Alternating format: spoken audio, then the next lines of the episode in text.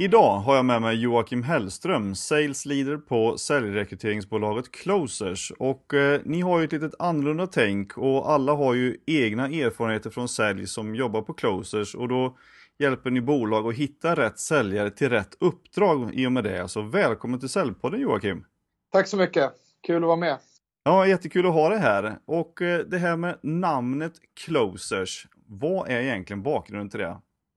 Ja, eh, jag var inte inblandad i det, men har fått höra att det kommer från den här Glengarry Glen Ross-filmen. Ja. Eh, jag tror att det är Ben Affleck som är huvudroll. Eh, och vid något tillfälle så säger han eh, “Put that coffee down, coffee's for closers”. Ja, just det. Eh, så jag tror att det var där det uppstod. Eh, sen har det ja, hängt med sen dess liksom. Eh, smått ironiskt. Eh, men, kul namnval. Ja. Ja, det har ju lite med sälj att göra om man säger så. Ja, absolut. Men du, vad, vad har din roll som sales leader då på Closers, vad, vad innebär det? Det innebär väl i runda slängar att, att eh, ja, säkerställa att försäljningen eh, fungerar bra. Eh, att vi jobbar effektivt, eh, har bra processer eh, och får in rätt typ av uppdrag eh, i rätt omfattning. Mm. Vi har ju alltid en, en leveransförmåga att, att förhålla oss till. Så att eh, det gäller att balansera orderingången med leverans, eh, leveransförmågan helt enkelt. Mm.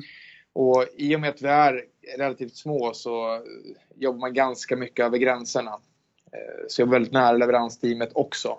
Eh, och hos oss är det mycket fokus på att, att eh, vara innovativa, eh, effektivisera processer, hitta nya lösningar. Och det ägnar, ägnar vi oss åt både på sälj och leverans. Mm. Och leverans då, så det är, det är headhunting, rekryterare som jag pratar om. Just det. Men hur är ni innovativa då? Om ni jämför med andra? Eh, till exempel eh, så har vi lyckats eh, i princip helt automatisera eh, den initiala delen av säljprocessen mm. via olika mjukvarulösningar.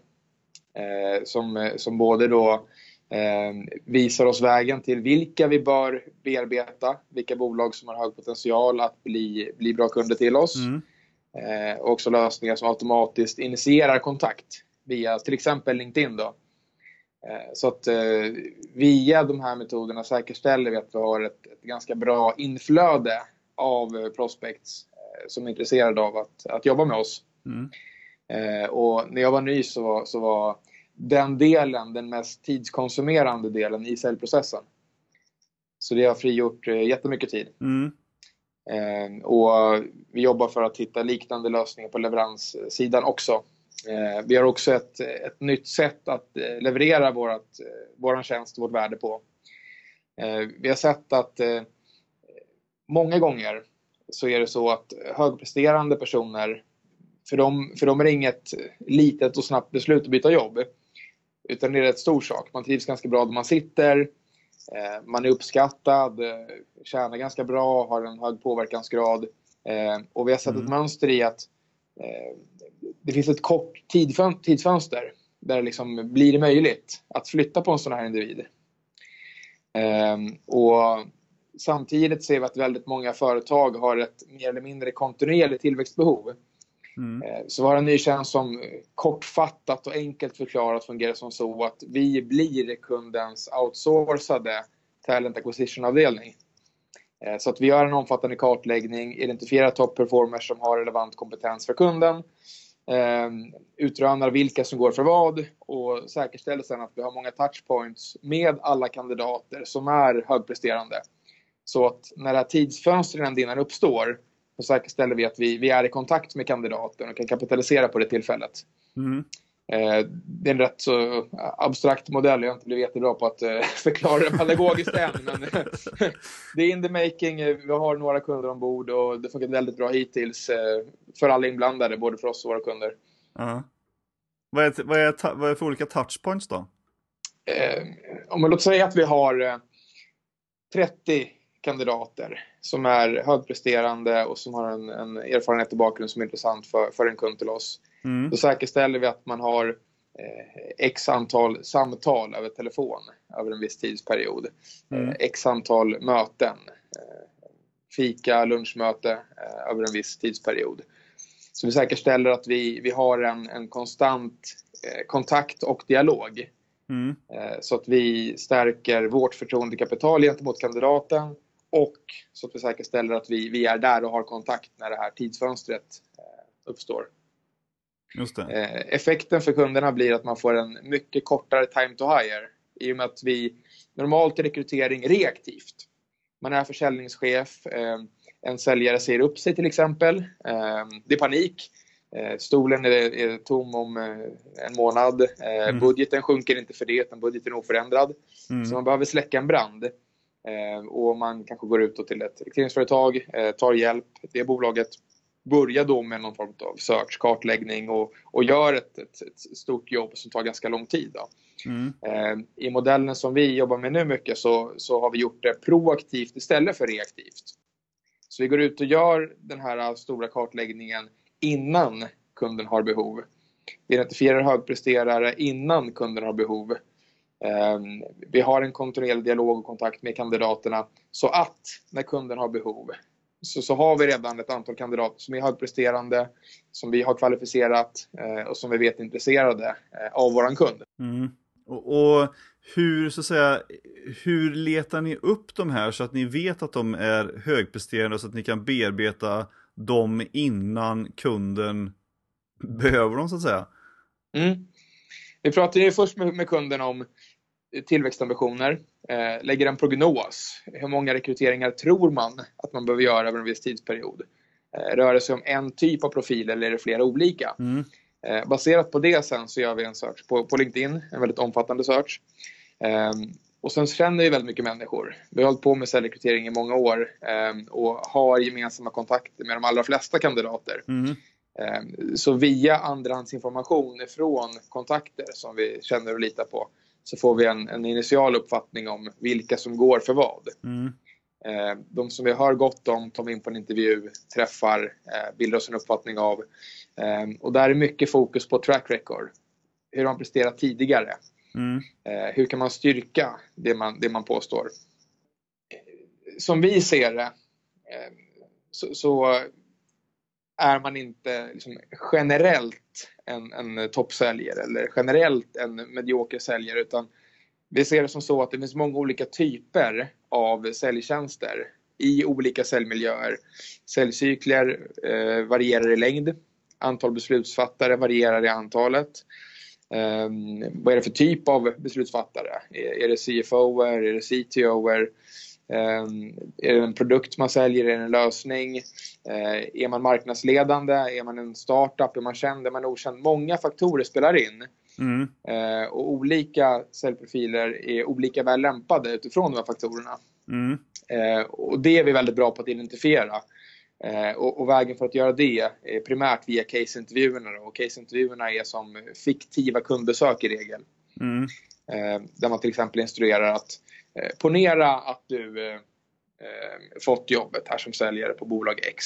Ja. Eh, då har vi ett fiktivt möte inbokat här nästa tisdag. Eh, du kommer att träffa eh, potentiell kund Y.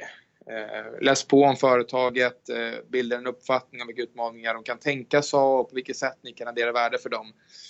Sen tar man det som ett skarpt möte. Mm. Så man, man ser väldigt väl eh, vad en person går för där. Eh, hur seriöst de har förberett sig.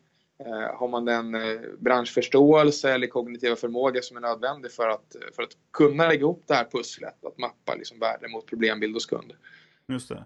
Och, och jag tänker liksom, om man då jämför hur, hur en säljrekrytering gick ut då förr i tiden jämfört med åtminstone hur ni gör det nu. Vilka, och det är klart att det du har beskrivit hittills är ju ganska, bara det är ju väldigt stora skillnader. Men om du jämför dig själv, eller Closers då, med andra säljrekryteringsbolag, gör ni på liknande sätt eller är det unikt för er del så att säga? Eh, jag vill inte prata allt för mycket om hur våra konkurrenter jobbar. Jag har ju en, en, en uppfattning mm. men eh, kan inte med säkerhet uttala mig om hur, hur de jobbar. Eh, men om jag pratar om hur, hur vi jobbade tidigare så är det väldigt väsensskilt från hur vi jobbar idag. Mm. Eh, backar klockan i två år till exempel eh, så var det inte lika renodlat fokus på uppsökande rekrytering. Eh, vi jobbade fortfarande med annonsering på den tiden. Mm. Eh, och vi förlitade oss en del på annonsering och, och det gjorde att vi investerade mindre tid i eh, uppsökande rekrytering. Eh, också en annan sak är att eh, duktiga säljare är en bristkompetens mm. eh, och, och, de är rätt, rätt svåra att, eh, att hitta och väcka intresse hos.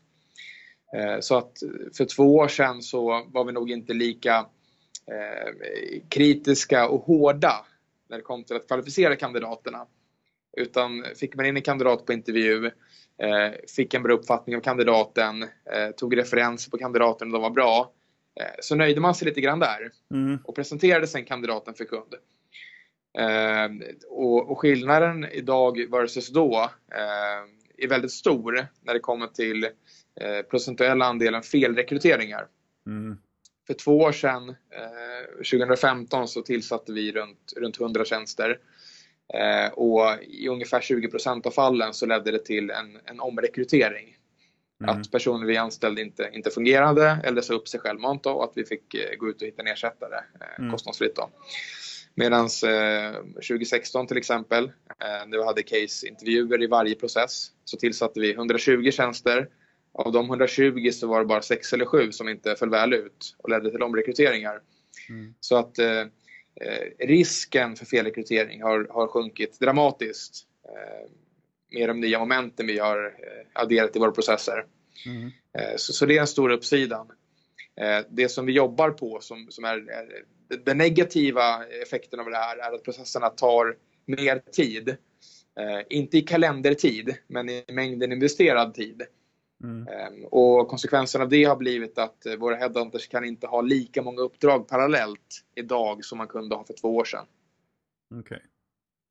Men, men innebär det att rekryterarna eller headhunters då, att de är själva ute eller har ni särskilda säljare som gör liksom någon form av pre-work för headhunters eller? Ja, vi har, vi har researchers som, det, mm. som vi kallar det för och det motsvarar ganska väl eh, Sales Development Rep-tjänsten i, i säljvärlden. Mm. Eh, man går ut, kartlägger marknaden, identifierar intressanta kandidater, eh, tar kontakt, väljer intresse. När intresse är säkerställt så lämnar man över till en headhunter. Mm. Men om, om du funderar lite grann på vad som skiljer eh, säljares kvaliteter, vad man liksom ville ha förr och vad man efterfrågar nu. Vad är de stora skillnaderna då?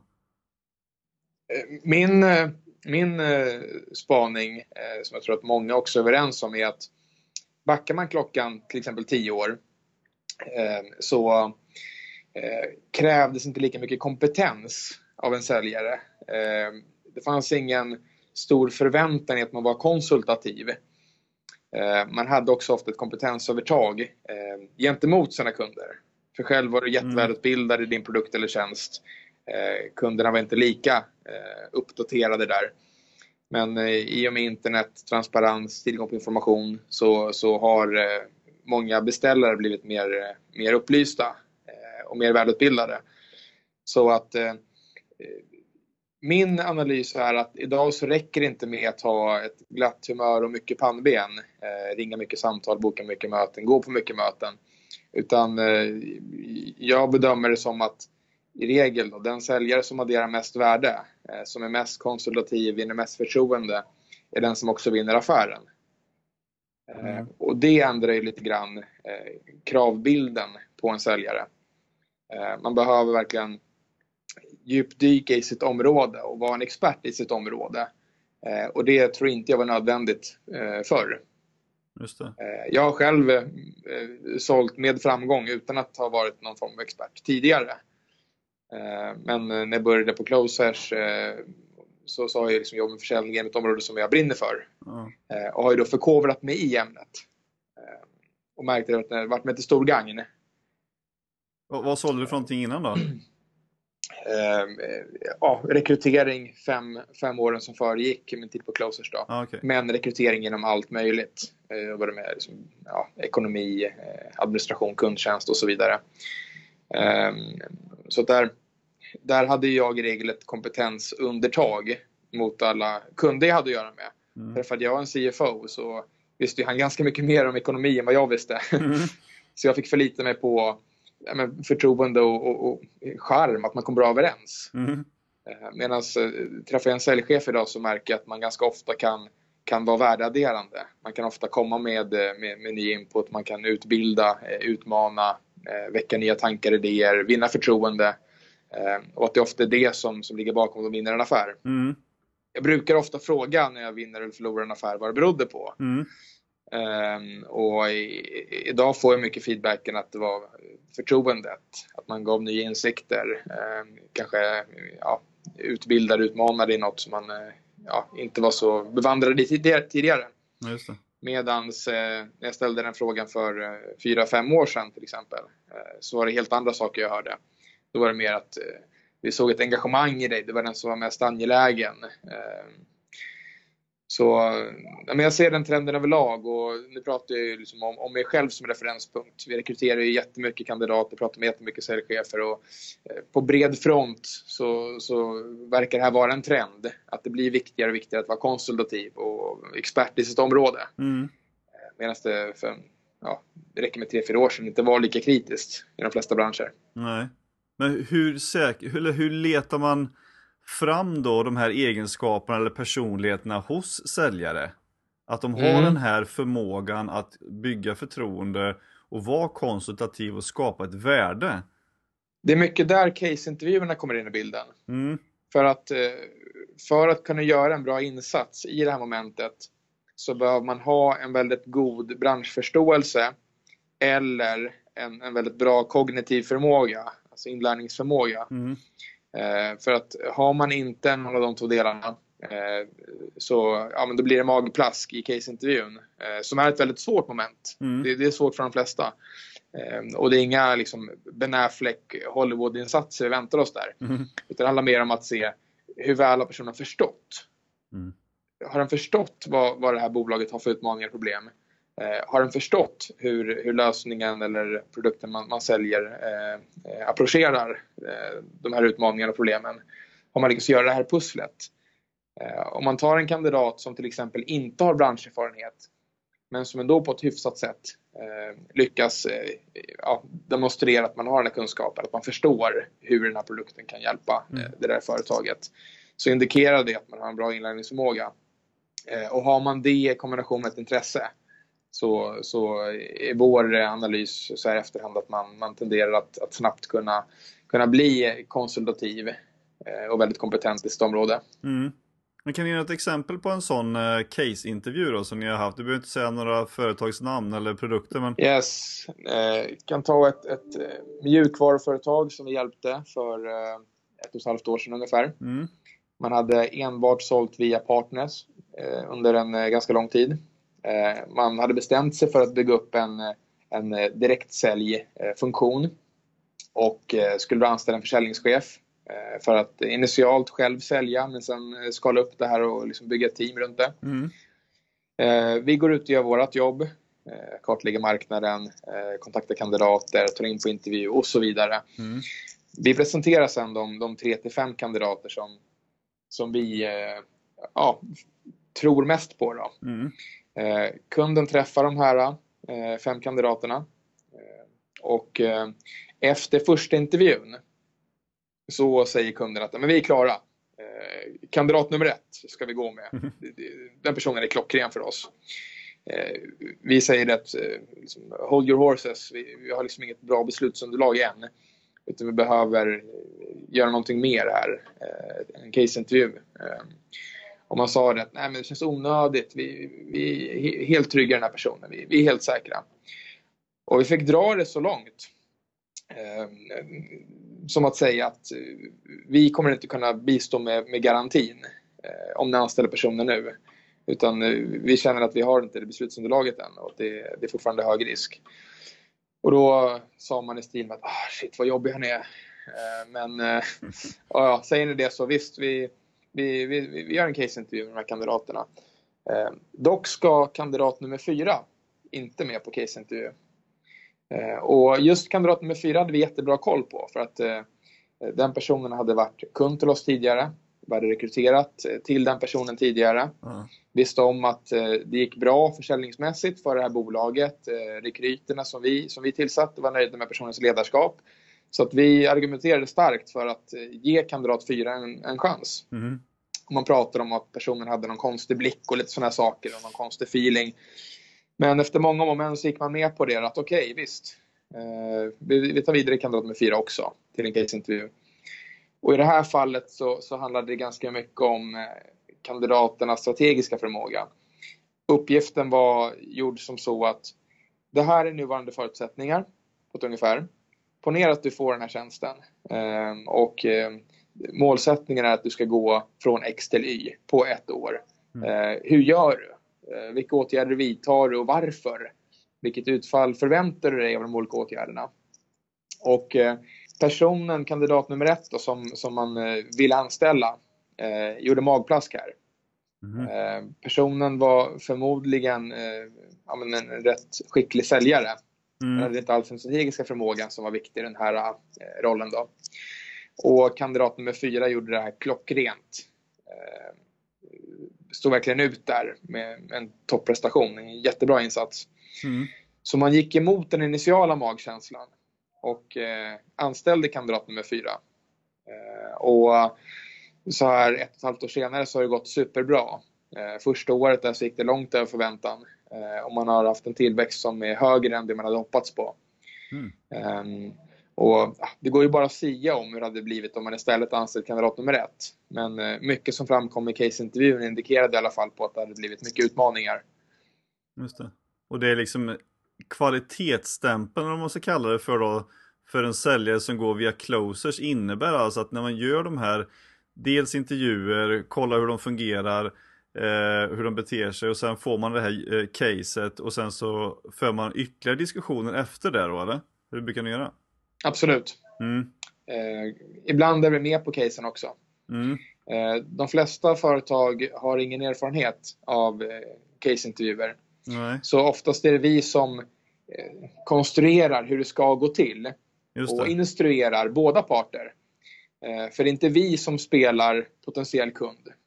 Utan det är våran kund som spelar potentiell kund.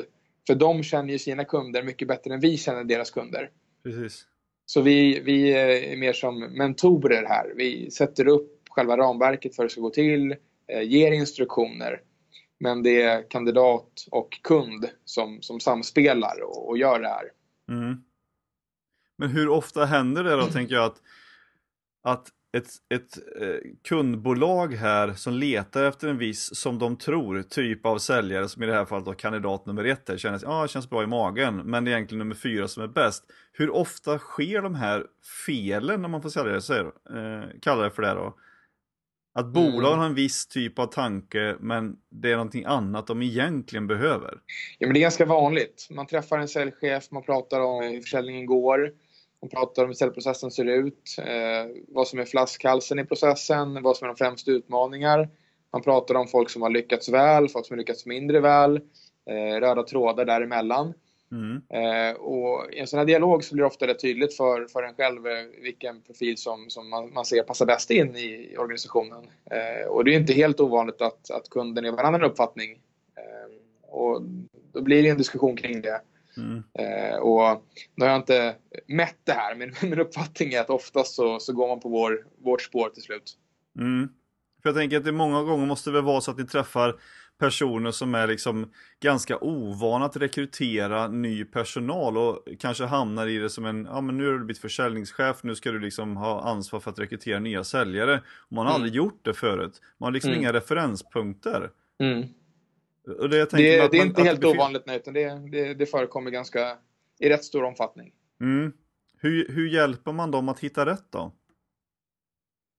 Eh, som vi var inne på tidigare lite grann, vi, vi dissekerar säljorganisationen, eh, säljprocesserna, de olika utmaningarna, vilka typer av kunder man bearbetar, hur långa säljcykler man har, hur många beslutsfattare som är involverade och så vidare. Och när vi har ställt alla de här frågorna eh, så vet vi på ett ungefär vilken profil det handlar om. Mm. Eh, så när vi har gjort den initiala frågeställningen så, så kommer vi fram med förslag. Eh, utifrån den här dialogen så, så är vi inne på att den här typen av profil är det som är eh, mest framgångsrikt. Mm.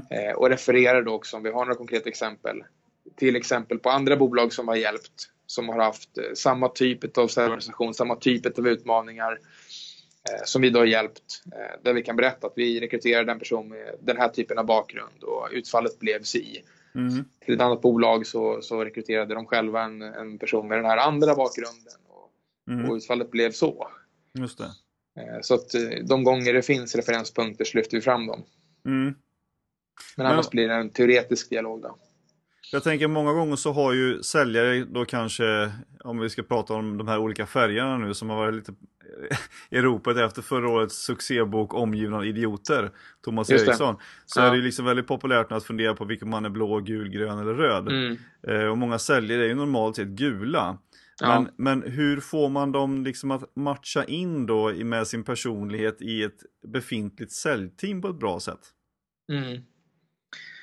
Alltså, jag är inte helt inne på att det finns en viss färgkombination som är bättre än andra eh, per Nej. default. Utan jag, jag, är inne på att olika färgprofiler passar bra in i olika typer av cellmiljöer. Ja. Eh, och jag, jag, tror inte så att, att gul var bästa förut och nu är gul inte bra längre. Eh, däremot så kanske i vissa branscher så har gul varit mest effektivt tidigare. Eh, men idag ser man att eh, rödblåa eh, lyckas bättre. Mm. Eh, men eh, ja, världen är föränderlig och eh, saker ändras konstant i olika branscher. Så att det som var bäst i bransch X förut kanske inte är bäst där längre. Men däremot så är det numera bäst i bransch Y. Just det. Och nu pratar man ju ofta om att, eller mycket om att ett säljare kanske, att man borde ha lite mer introverta säljare och att det tidigare tydligt varit mm. extrovert jobb. Hur ser du på mm. det? Eh, jag är nog beredd att hålla med där faktiskt. Mm. Eh, jag tror att eh, framförallt i en eh, större, på en större cellavdelning att det är fördelaktigt med fler introverta personer.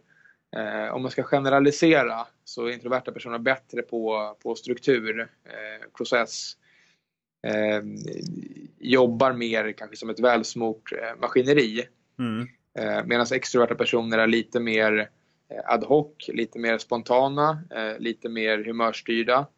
Mm. Ehm, det är väl det spåret jag är inne på ungefär. Mm. Eh, men jag skulle inte gå så långt som att säga att introvert per default alltid är bättre än extrovert. Nej. Men i, i vissa cellmiljöer, ganska många, så är det nog så. I vissa andra så är det tvärtom. Just det. Men jag tror mycket på att, att ha en organisation där individer kompletterar varandra. Ehm, jag tror, eh, jag tycker att generellt idag så är det för individualistiskt i försäljning. Mm. Eh, folk eh, ser då ofta efter sitt eget hus primärt. Man har en individuell provision och man gör det som gagnar en själv och man bryr sig mindre om laget. Mm. Det blir mycket tävling, det finns risk för vassa armbågar kollegor emellan. Mm. Jag tror mer på att bedöma organisationer som grupp. Man får mycket bra synergieffekter. Eh, man kanske märker att men jag är en sån här person. Det här prospektet är inget prospekt som jag brukar ha framgång med. Däremot så vet jag att du Stina har jättebra framgång på den här typen av kunder så att eh, jag skjuter in dig där istället. Mm. Eh, jag, jag, jag, har sett många exempel på bolag som, som jobbar mer med, med gruppprovisioner och så vidare där man har fått till den effekten. Där man presterar bättre. Mm. I regel så kan man ju säga att de absoluta toppresterarna, liksom eh, Zlatan-säljare, eh, mm. brukar inte vara jättetaggade på att gå från individuell provision till gruppbaserad provision. Eh, och när det väl sker så tenderar toppresterarnas prestationer att sjunka. Okay. Men hela gruppens prestation har jag sett öka i de allra flesta fall. Mm. För att medelpresterarna lyfts. Deras motivation blir högre de samarbetar och blir kollegor istället för att de konkurrerar och är rivaler. Mm. Ehm, så med det sagt tror jag på en grupp som är dynamisk där man kompletterar varandra så att man kan samverka optimalt för bästa utfall. Just det. Men, men om jag tänker så här då att eh, vad kan man generalisera om vad bolag normalt sett letar efter för egenskaper hos säljare och vad de egentligen borde leta efter istället? Vad de egentligen borde leta efter, den, där, där är inget generellt svar utan det beror väldigt mycket på hur, hur säljrollen ser ut, vad det är för tjänst det handlar om, vad det är för utmaningar och ja, som jag nämnde tidigare där med olika liksom, längd på säljcykler, olika mängder beslutsfattare, produkt eller tjänst och så vidare. Mm. Men eh, det finns, eh, det går att generalisera när det kommer till kring eh, profilen som de flesta säger sig eh, vilja ha. Mm. Och det de flesta kommunicerar det är liksom vinnarskalle, eh, röd profil, väldigt driven, gärna idrottsbakgrund, eh, gärna något yngre. Eh, om man ska generalisera så är väl det det vanligaste. Mm. Och den profilen eh, kan vara väldigt effektiv men eh, väldigt långt ifrån alltid. Och den profilen eh, förutsätter, eh, eller formulerar man annorlunda, ställer, ställer stora krav på organisationen. Mm. Det behövs ett väldigt välsmort säljmaskineri. Det behövs en väldigt gedigen onboarding. Det behövs eh, seniora personer som kan kompetensutveckla de här, de här människorna. Mm. Eh, finns alla de förutsättningarna så är det ofta framgångsrikt att ta in väldigt motiverade personer som är i början av sin karriär. Mm. Eh, men är man en mindre organisation där det är lite spretigare, eh, ingen micromanagement, eh, mindre tydliga säljprocesser så tror jag inte att det i regel är det bästa med en sån profil. Just det. Får jag testa en annan grej på dig då? om man har säljare som har sålt fysiska produkter tidigare mm. och som går till att sälja ja, intangible products som de kallar det på engelska, alltså, alltså, typ tjänster eller sånt som man inte kan ta på. Ja. Eh, att det inte alltid är likställt med succé mellan fysiska produkter och eh, o, alltså säga, eh, icke-touchable produkter. Ja. Hur, hur brukar du se på det? Alltså, jag upplever det som att konsensus där ute är att det är stort omöjligt mm. att gå från produkt till tjänst. Eh, jag delar dock inte den uppfattningen. Nej. Bara för att man har sålt produkter så är man inte en viss typ av människa. Nej. Det säger egentligen ingenting om vilken slags människa man är. Det enda det säger är vad du är van vid. Uh-huh. Så visst, självfallet kommer du behöva eh, sälja på ett annorlunda sätt. Eh, och det blir en viss omställning. Men eh, jag, tror absolut, eller jag vet att det är absolut inte omöjligt. Många har en föreställning att om man alltid sålt produkter så, så är man en viss slags människa och man kommer omöjligt kunna lära sig att, att gå över till tjänster. Jag tycker att det är rent larv. Mm. Om jag testar en annan grej då. Om man har sålt billiga produkter mm. och byter till att sälja dyra eller tvärtom. Mm. Brukar det vara likställt med att det funkar? Eller inte? Jag vet inte faktiskt. Jag kan tänka mig att har du sålt väldigt billiga saker så kanske man har någon slags mental blockering och känner att det jag säljer är väldigt dyrt och mm. att man kanske dramatiserar det lite grann. Men jag ser inte det som något eh, stort problem eh, och något som förmodligen går att komma över ganska snabbt. Mm. Med rätt typ av ledarskap. Just det. Men vad, om, eh, vad, vad, tycker du då att säljare borde göra för att bli mer attraktiva för både rekryterare och arbetsgivare rent generellt? Om en persons mål är att vara så attraktiv som möjligt eh, bland så många företag som möjligt eh, så tror jag att det bästa är att eh, gå emot strömmen. Mm. Om vi pratar med, med 100 kandidater, 100 säljare så säger ungefär 90 procent att man vill jobba med farming mm. en förvaltande roll mm. och att man inte tycker om nykunskapsbearbetning. Mm. Om man specialiserar sig på eh, och, och, älskar eh, nykunskapsbearbetning så blir man extremt attraktiv. För det är väldigt få som, som tycker om det och är väldigt skickliga på det. Mm. Eh, tyvärr. Men vill man, vill man vara unik och verkligen attraktiv så, så är det en sweet spot. Absolut. Just det. Eh, men om, om du tänker de, om man ska ge några tips då till eh, en säljare som ska gå på en intervju. Vad bör man tänka på? Eller förbereda sig med? Man bör tänka på att, att eh, eh, tänka igenom innan man går på intervjun. Eh, vad har jag presterat? Eh, har jag vunnit några utmärkelser? Eh, att djupdyka i sitt egna track record för att kunna ta upp konkreta exempel. Eh, för att eh, många rekryterare, framförallt när det gäller eh, säljtjänster, då, är väldigt faktaorienterade. Mm. Och kan man inte ge exempel på prestationer man är stolt över till exempel så, så ger det inga bra signaler. Utan en, en rekryterare blir ofta imponerad och nöjd när en, en kandidat kan spotta ur sig massvis med exempel på prestationer man är stolt över eh, kunder som varit missnöjda som man lyckats göra nöjda och på vilket sätt man lyckades med det och så vidare. Mm. Att vara så konkret som möjligt och referera till egna erfarenheter. Eh, gör man det så, så gör man en bra intervju. Just det. Sen tror jag också att många eh, Många försöker att, att vara väldigt extroverta i intervjuer. Går in med, med jättemycket energi och, och många tror att det är viktigt och att det förväntas att man är jätteenergisk och så vidare. Mm. Jag tror inte att det är särskilt viktigt.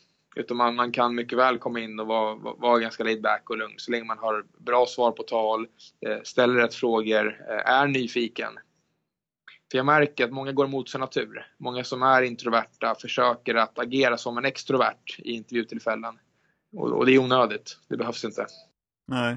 Vara sig själv alltså? Ja. Mm. Vilken typ av säljare kommer bli mer efterfrågad här framöver då tror du? Eh, tekniskt kompetenta säljare, eh, mm. bland annat.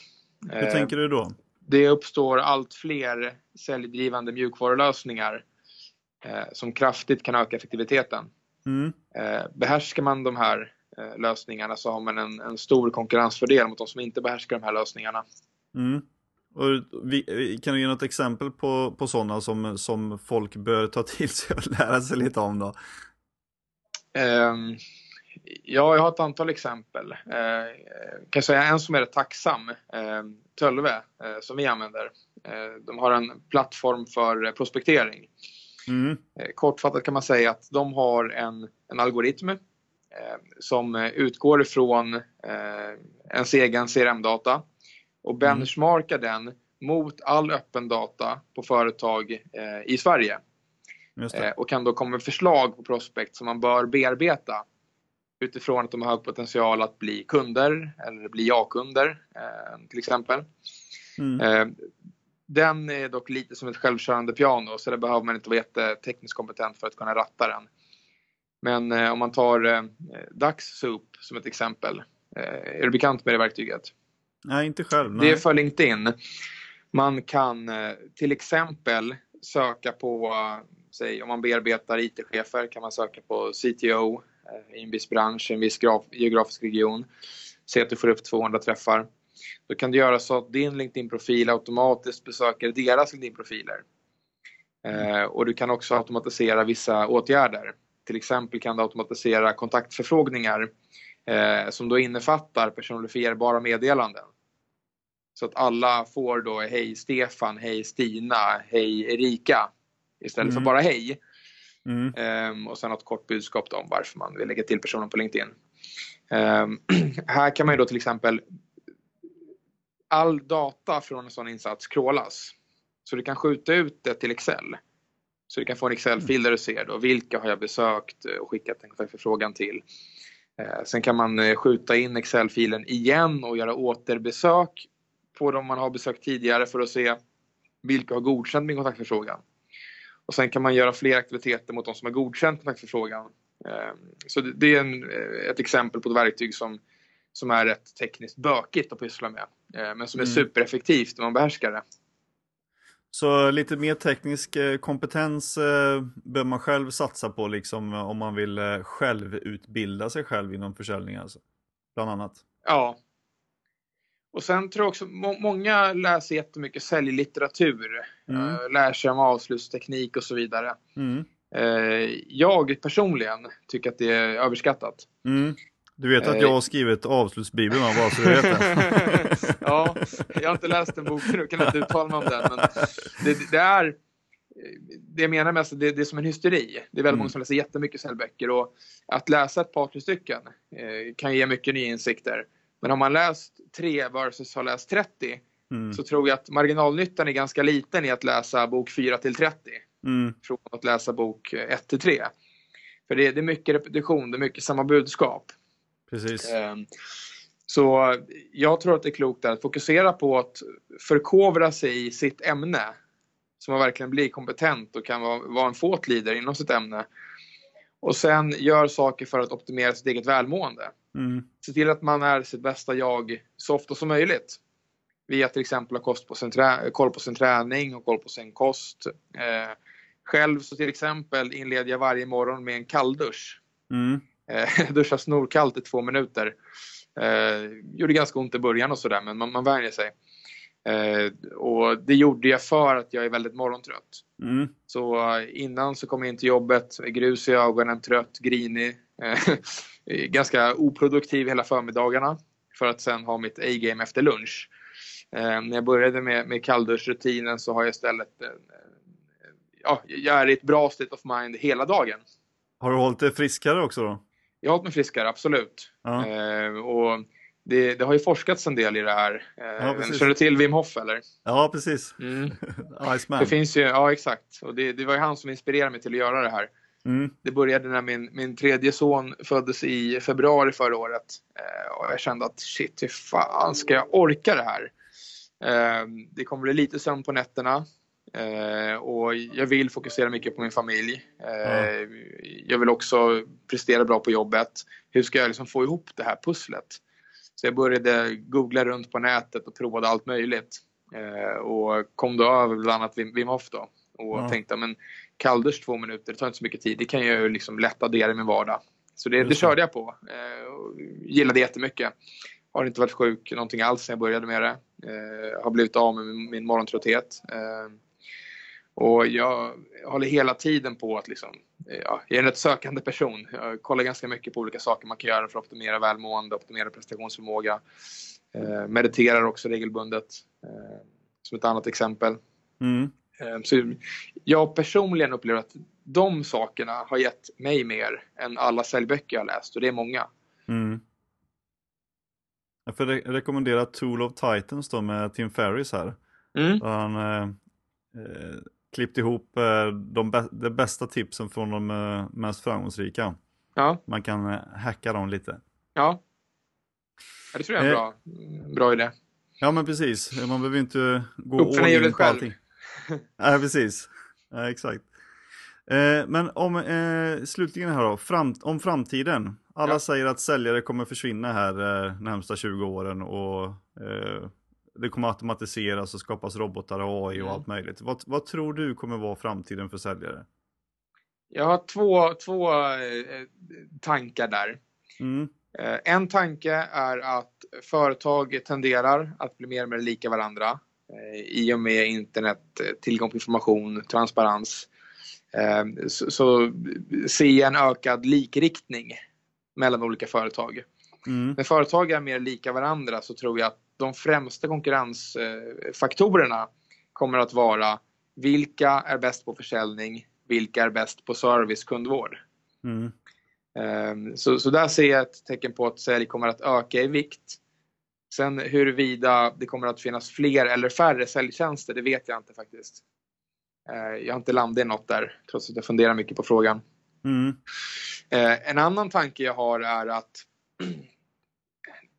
egentligen så är det ganska mycket waste of time att massvis med säljare eh, jobbar, representerar massvis med olika företag. Låt säga att jag eh, ska köpa in en, en, ny skrivare. Så kanske jag träffar en säljare från HP, någon från Rico, någon från ett till bolag. Eh, och samtidigt gör jag massvis med egen research. För jag vet att de jag träffar är förmodligen ganska biased. De vill ju sälja mm. sina lösningar. Mm. Jag, jag, tror att det kommer att eh, i alla fall uppstå som fenomen med säljare som inte jobbar på ett tillverkande företag eller på en leverantör. Utan säljare som mer är som experter på någonting. Mm. Så säg till exempel istället för att jag skulle vara eh, säljare på HubSpot så kanske jag är eh, som en generell säljare, konsult inom eh, allt som rör marketing automation. Så jag träffar kunden och är då opartisk. Så gör en bra behovsanalys, lär känna kunden och mappar sen opartiskt ihop kundens behovsbild mot den bäst lämpade lösningen. Mm. Oberoende av vilken det är. eh, oberoende av vad som är mig mest incitament. Eh, det ses som det mest värdeskapande. Så jag, jag, tycker att det vore logiskt om, om, om, om, om något sånt uppstod framgent. Ja, det är intressant för det är ju, ingen vet ju vad som händer i framtiden, bara att den kommer. Nej, absolut. Nej, men eh, jättekul eh, att få prata om de här sakerna. Vi har inte pratat om cellrekrytering tidigare i Cellpodden, så det är ju roligt att höra Nej. hur ni jobbar på Closer, så att höra att ni har de här eh, case-intervjuerna som jag själv har saknat varje gång som jag har blivit rekryterad, att man har liksom aldrig fått Visa vad man går för. Nej, exakt. De har bara intervjuat, gjort något test ja. liksom. Och tänker, hur kan de veta att jag är bra på sälj? Ja. Um, och kanske inte alltid varit så extrovert i mina uh, intervjuer heller. Så det är intressant att se hur ni, och höra hur ni gör. Mm. Mm. Men tack så jättemycket Joakim och stort lycka till nu med att hitta nya stjärnor under 2018 här till era kunder. Ja, men tack själv. Jättekul att vara med. Och jag ber om ursäkt till alla lyssnare om det har sprakat till när den här äh, micken har rört mitt skägg. Eh, det var inte meningen. Ser man bilden på det så förstår man. Ja, man gör väl det. inte jättevan med, med Skype-intervjuer via telefonen. Nej, ja, men någon gång ska vara den första. Ja, absolut. Toppen. Ha det så bra. Detsamma. Stort tack. Ha det bra. Tack. Hej.